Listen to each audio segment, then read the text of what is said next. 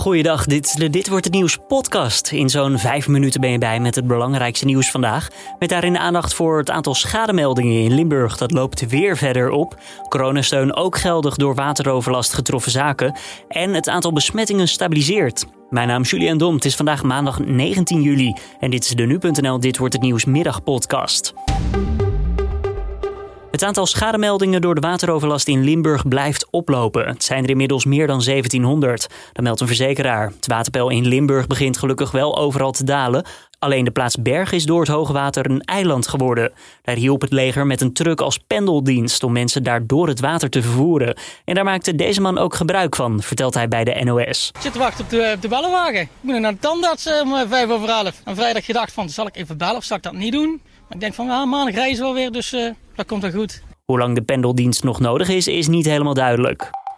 Limburgse bedrijven mogen coronasteunregelingen zoals de NOE en de TVL-regeling nu ook gebruiken als ze dicht moeten door waterschade. Dat heeft premier Rutte gezegd. Ook had Rutte nog een tip in het algemeen voor de slachtoffers van de overstromingen. Zorg ervoor, als er schade is, dat je die goed in kaart brengt. Uh, documenteert uh, en zo mogelijk daar ook foto's van neemt. Dat is zowel nodig voor de verzekeraar, maar het is ook nodig voor de toepassing van de wet tegemoetkoming schade bij rampen. En de premier liet nog weten onze buurlanden te steunen die zwaar getroffen zijn. België is de balans aan het opmaken en komt in de eerste voorzichtige schatting op een schade van 150 miljoen euro. Nog niet te spreken over alle emotionele schade en slachtoffers. We leven intussen ook zeer mee met uh, onze collega's in België en Duitsland, waar ook veel mensen zijn omgekomen als gevolg van uh, deze enorm rampzalige situatie. En, en zeggen alle hulp toe waar we dat kunnen, staan een nauw uh, contact. Er komen voorlopig geen extra coronamaatregelen bij. Dat zeggen premier Rutte en coronaminister De Jonge. Vandaag kwamen ruim 9000 besmettingen bij en daarmee lijkt het aantal te stabiliseren. Maar we moeten niet te vroeg juichen. Dat betekent dat de groei dus niet verder doorzet. Ik denk dat dat positief is. Eh, tegelijkertijd moeten we wel zeggen, het aantal positieve testuitslagen op dit niveau van zo'n rond de 10.000 per dag over de afgelopen week is natuurlijk wel te hoog. Er zijn vandaag ook een record aantal coronapatiënten opgenomen op de IC, namelijk 50. Het waren er twee maanden geleden voor het laatst zoveel. Op meerdere plekken in het land kun je zonder afspraak worden geprikt tegen corona. Het gaat om een proef. De GGD's willen weten of mensen behoefte hebben aan zo'n vrije inloop. Je moet je dan ter plekke registreren, maar als het te druk is, moet je zonder prik weer naar huis. Er zijn momenteel in Zwolle en Dalfsen proeven met het vaccin van Janssen. Daar heb je maar één prik van nodig. En een waarschuwing van de GGD voor de ouders in Limburg. Laat je kinderen niet spelen in rivierslip. Dat is overgebleven na de overstromingen. Dat zegt de GGD dus. Maak ook eerst even de speeltuin, zandbak of tuin schoon voordat je kinderen daarin spelen.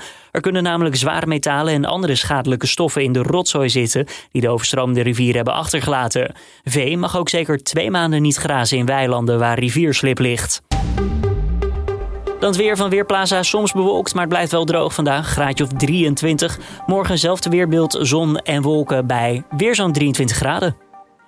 Ja, om af te sluiten, de nachtclubs in Engeland die zaten helemaal vol. Vrijwel alle coronabeperkingen zijn nu geschrapt in het land.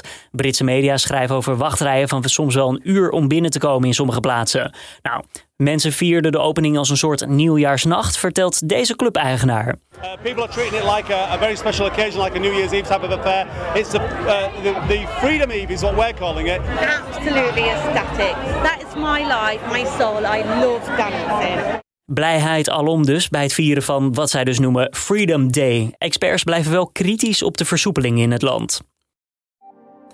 En dit was dan weer de Dit Wordt Het Nieuws podcast van deze maandag 19 juli. Tips of feedback zijn altijd welkom. Kan je toesturen naar podcast.nu.nl.